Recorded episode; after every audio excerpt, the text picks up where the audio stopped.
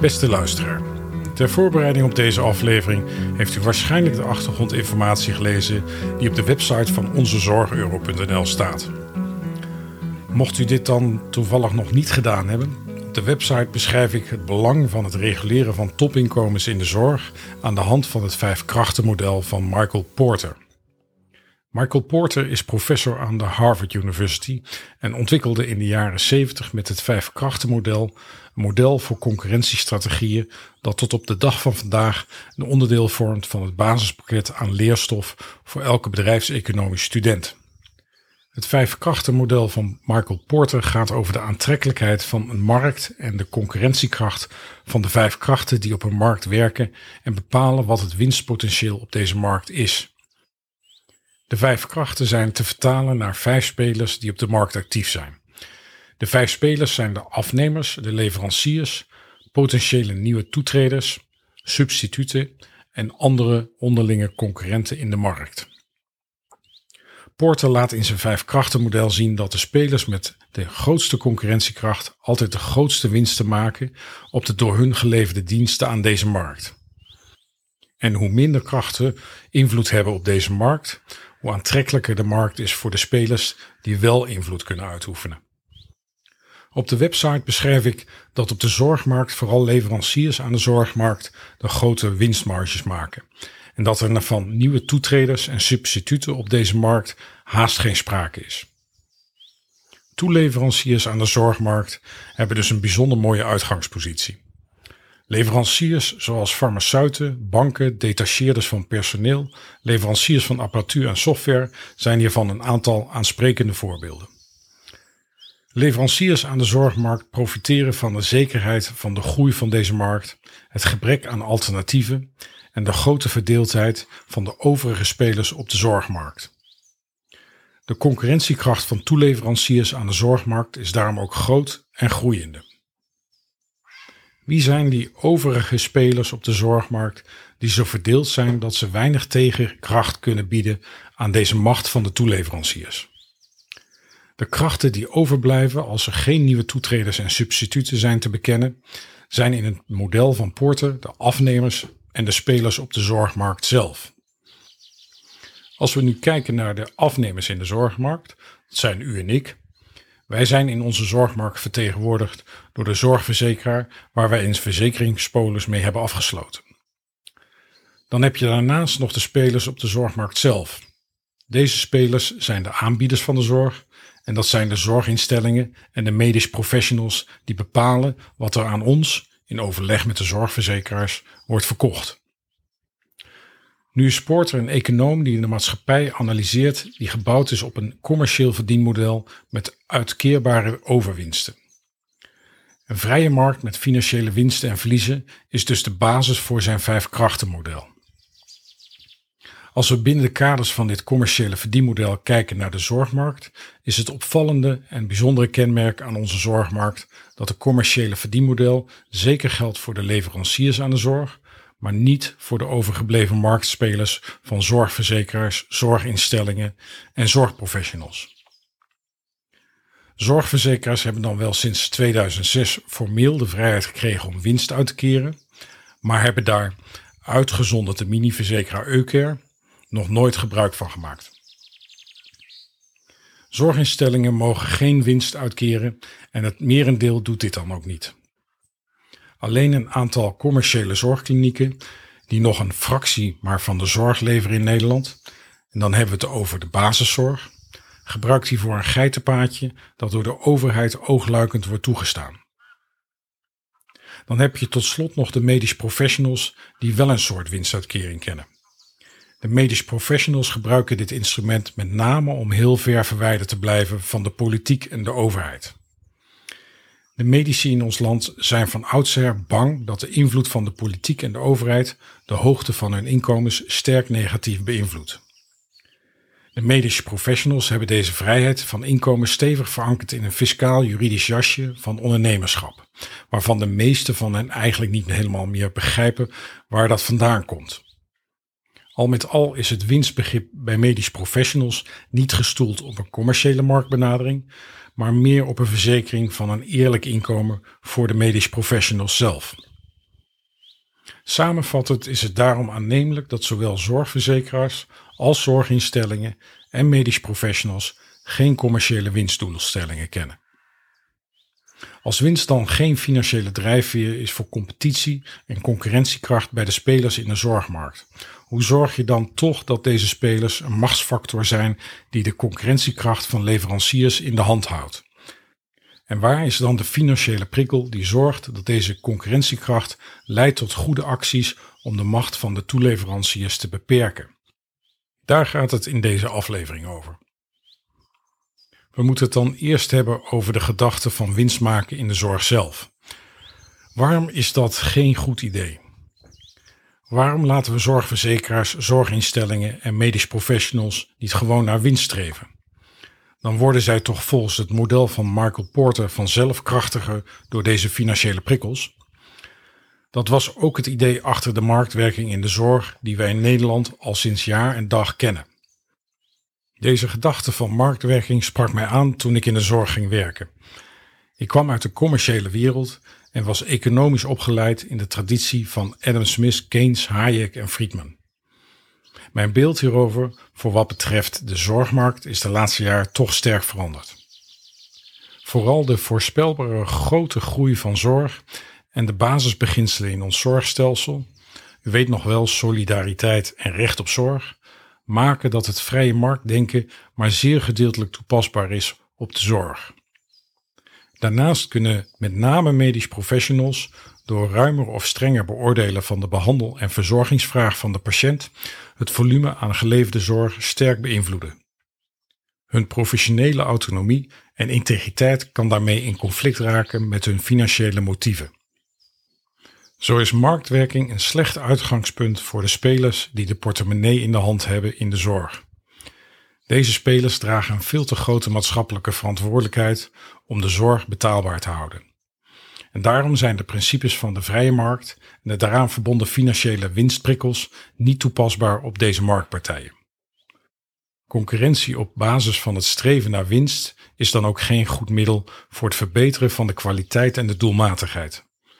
Zeker niet als de basisbeginselen van solidariteit en recht op zorg zo fundamenteel zijn ingebakken in onze zorgmarkt. Competitie op basis van winstdenken verzwakt de gezamenlijke kracht van de zorgverzekeraars en de medische professionals. De maatschappelijke basisbeginselen in onze zorg vragen van hun om een ander leiderschap dan op winstgerichte ondernemersprikkels. Het tast bovendien bij het algemene publiek het gevoel van autonomie en professionele integriteit aan van de spelers in de markt. Deze winstprikkels kunnen dan immers al snel leiden tot een overmatige winstmaximalisatie bij verzekeraars en de productieprikkel bij medisch professionals, die dan niet ten onrechte uitgebreid worden beschreven in de media. We zouden natuurlijk ook de basisbeginselen van solidariteit en recht op zorg achter ons kunnen laten. Dat is voor ons nu nog ondenkbaar, maar met de steeds meer stijgende kosten kan dit noodgedwongen het resultaat zijn van zwakke marktpartijen die onnodig met elkaar concurreren. Door steeds meer en duurdere productie wordt de zorg dan gaandeweg onbetaalbaar. We kunnen de gedachte van winst als prikkel voor verbetering bij de partijen die onze zorgeuro uitgeven, maar beter zo snel mogelijk verlaten. Dan kom ik bij de volgende vraag. Hoe zorgen we dat verzekeraars, zorginstellingen en professionals wel de marktmacht ontwikkelen voor een goed tegenwicht tegenover de steeds sterkere leveranciers in onze zorgmarkt? Het begint allemaal met een hechtere samenwerking onder spelers die bepalen waar onze zorgeuro aan besteed wordt en tegen welke voorwaarden. Zorgverzekeraars, zorginstellingen en medische professionals zouden dus veel beter moeten samenwerken. Ze kunnen met elkaar de concurrentie onder de toeleveranciers aanjagen en de gezamenlijke afspraken maken om prijzen van leveranciers meer in lijn te brengen met de kosten die zij maken voor hun dienstverlening. Onze regelgeving kent hier natuurlijk in het kader van de marktwerking de nodige beperkingen en die door de toezichthouders angstvallig worden bewaakt. Maatregelen die binnen al deze beperkingen kunnen leiden tot meer samenwerking bewaar ik voor de laatste aflevering van onze Zorgeuro omdat ik daarvoor nog eerst een tweetal andere afleveringen nodig heb voor een goede beoordeling. In deze aflevering wil ik me concentreren op één belangrijke financiële maatregel voor de betere samenwerking en dat is regulering en transparantie in topinkomens. Laten we even van uitgaan dat winst geen doel is om naar te streven. Wat is dan wel een financiële prikkel die kan zorgen dat we de goede dingen gaan doen bij de zorgverzekeraars, bestuurders van zorginstellingen en medisch professionals? Daarvoor moeten we vooral gaan kijken naar de inkomens van de beslissers in de zorg. In de regelgeving wordt dit ook wel de topinkomens genoemd.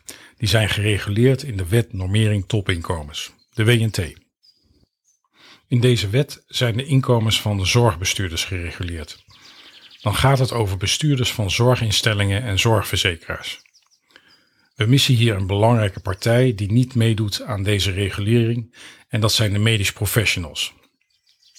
Zoals ik al eerder heb aangegeven is deze groep van oudsher zeer huiverig om aan deze regulering mee te doen. De dreiging die uitgaat van politiek en overheid dat een medisch professional daarmee zijn of haar inkomen voor een groot deel ziet verdampen, is immers levensgroot. Ondanks dat deze angst heel invoelbaar is, zullen we als samenleving toch moeten kiezen om deze financiële maatregel op de topinkomens beter te gaan reguleren. Samenwerking tussen zorgverzekeraars, zorginstelling en medisch professionals roept heel hard om een betere regelgeving op dit vlak. Nu is het zo dat met de huidige WNT-regels een bestuurder van een gemiddelde zorgverzekeraar rond de 400.000 euro verdient. Van een gemiddelde grote zorginstelling 250.000 euro en een medisch professional een niet transparant inkomen ergens tussen de 150.000 en 500.000 euro verdient. Het verschil tussen topinkomen van een bestuurder bij een zorgverzekeraar of een zorginstelling is al niet verklaarbaar. Laat staan het niet transparante topinkomen van de medisch professional. De onduidelijkheid van het topinkomens van medisch professionals leidt tot veel ongewenste bijeffecten. Ik noem er slechts een paar van. Een eerste voorbeeld zijn de inkomens van medici bij academische ziekenhuizen. Die zijn laag. Artsen in academische ziekenhuizen zijn in loondienst en verdienen relatief weinig. Ze worden zo gestimuleerd voor hun inkomen bij te klussen in zorgklinieken. Een volgend voorbeeld is dat inkomens van medische professionals traditioneel in het zuiden van het land duidelijk hoger liggen dan in het noorden. Als derde voorbeeld kunnen we kijken naar de inrichting van de declaratiesystemen. De verandering van zorgvraag en innovatie leidde in het verleden tot buitensporige hoge inkomens bij sommige groepen van medisch professionals. Wat weer aanleiding was voor een sterk imagoverlies van medisch professionals in het algemeen. En als laatste wil ik noemen de individuele ondernemersstatus van 80% van de medisch professionals. Door deze individuele fiscale ondernemersstatus is de organisatiegraad van deze professionals bijzonder laag of misschien wel complex. Deze individuele ondernemersstatus houdt vaak de noodzakelijke vernieuwingen in de zorg tegen. De voorbeelden die ik heb genoemd zijn bijeffecten die ontstaan door een slechte regulering van de inkomens van medisch professionals en zijn de belangrijkste redenen om topinkomens van deze medische professionals wel te reguleren via de WNT. En dan heb ik het nog niet gehad over de zachte criteria als integriteit en autonomie over de medische inhoudelijke keuzeprocessen. Door alle topinkomens in de zorg te reguleren tot een maximum en dit maximale inkomen aan elkaar gelijk te stellen, maak je in de zorg zoveel mogelijk ruimte voor de belangrijkste factor die de samenwerkingskracht binnen de zorgmarkt omhoog brengt. Daarnaast versterk je daarmee vanzelf de professionele autonomie en de integriteit van bestuurders en de medici. De hoogte van de maximale topinkomens van medische professionals is een heet hangijzer in de Nederlandse zorg. Laat dat duidelijk zijn. Maar gezien de krapte op de arbeidsmarkt en de organisatiegraad van medisch professionals, verwacht ik dat hier uiteindelijk een voor iedereen zeer acceptabele uitkomst haalbaar moet zijn. Transparantie en het gelijktrekken van deze inkomens leidt niet alleen tot de beste financiële prikkels onder bestuurders van de zorg, maar leidt ook tot een beter inzet van de professionals op de bij hun passende rol als bestuurder of medische professional in de zorg. De vraag waar het ondernemerschap dan is gebleven, is niet zozeer te beantwoorden met de financiële prikkels van winst in het systeem. maar door het wegnemen van te veel financiële prikkels, waarmee de behoefte om samen te werken toeneemt en de waardering voor het behalen van maatschappelijke doelen, zoals solidariteit en recht op zorg, in ons zorgstelsel aanzienlijk kan stijgen. Met deze uitsmijter over ondernemerschap in de zorg sluit ik hiermee de zevende aflevering van onze Zorgeuro af.